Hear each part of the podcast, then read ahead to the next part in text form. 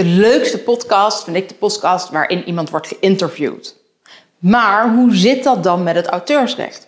Wie heeft het auteursrecht op zo'n podcast? Is dat de interviewer, de geïnterviewde of hebben ze dat gezamenlijk? Charlotte, de social media jurist van Nederland. Kijk, een interview is natuurlijk een samenspel tussen twee personen. De een stelt de vragen. Nou, de volgorde van de vragen, de inhoud van de vraag, de manier waarop je hem stelt, hoe je misschien weer inspeelt op het antwoord van een ander, daar zitten allemaal creatieve keuzes in. Althans, dat kan zo zijn als je niet echt een heel erg saai lijstje met standaardvragen zou afwerken.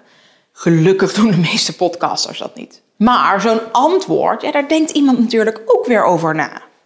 Dus op die antwoorden kan ook weer een auteursrecht rusten. Tja, wie heeft dan het auteursrecht op dat uiteindelijke interview?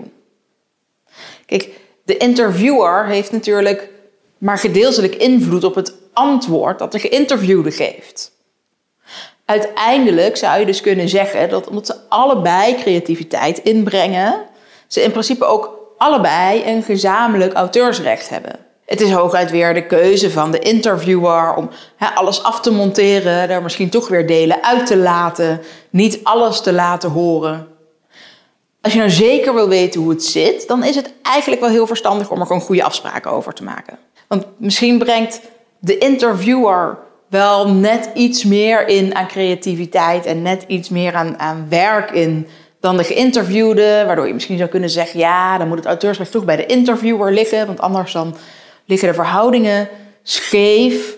Um, dus echt een gezamenlijk auteursrecht hebben ze dan niet. Of je zou kunnen zeggen, ja, het is zo erg 60-40 dat het toch wel een gezamenlijk auteursrecht is, waarbij ze dus continu van elkaar toestemming zouden moeten hebben om het openbaar te maken. Terwijl we eigenlijk het toch wel heel logisch en normaal vinden als we zeggen dat de interviewer het auteursrecht heeft, omdat dat ook degene is van wie de podcast is, die alles daaromheen regelt, afmaakt, afmonteert, publiceert, uh, keuzes overal voor maakt. Meestal ontstaan er dus ook eigenlijk geen problemen om, over het auteursrecht, omdat we er wel van uitgaan dat alles van de interviewer is en niet van de geïnterviewde.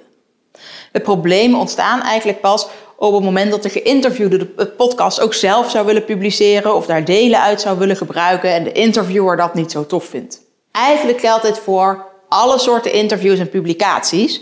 Dat je altijd even een afspraak moet maken over van wie het auteursrecht is. Of als je daar niet per se afspraken over wil maken. Dat je in elk geval wel even afspreekt hoe het gepubliceerd mag worden, door wie, of je het zelf opnieuw zou mogen publiceren, of je er delen uit zou mogen gebruiken. dus ook uit uh, geprinte interviews in een krant of een tijdschrift of uh, zelfs online op een website. En daar mag je niet zomaar een foto of een screenshot van delen omdat ook op de opmaak bijvoorbeeld nog een auteursrecht rust. En nou ja, daar heb je als geïnterviewde natuurlijk nooit het auteursrecht over. Dat is volledig aan iemand anders eh, uitbesteed. Kortom, je moet gewoon even weten wanneer is het oké dat ik hier wat van deel en welk deel dan daarvan. En mag dat als geheel of niet?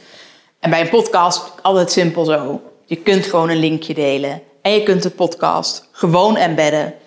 Dus ja, waar zou je je eigenlijk druk over maken? Maar wil je zeker weten dat het gewoon goed zit en dat je geen ruzie meer krijgt onderling? Maak er even afspraken over. Heel veel plezier met het maken van podcasts of je laten interviewen voor een podcast. En mocht je hier nou vragen over hebben of wil je dit soort afspraken gewoon goed op papier hebben voor al je volgende interviewkandidaten, Maak dan even een oploskoffieafspraak met me. Dat kan via www.oploskoffie.nu. Dan gaan we gewoon samen die afspraken op papier zetten, zodat je zeker weet dat er de volgende keer geen problemen meer ontstaan.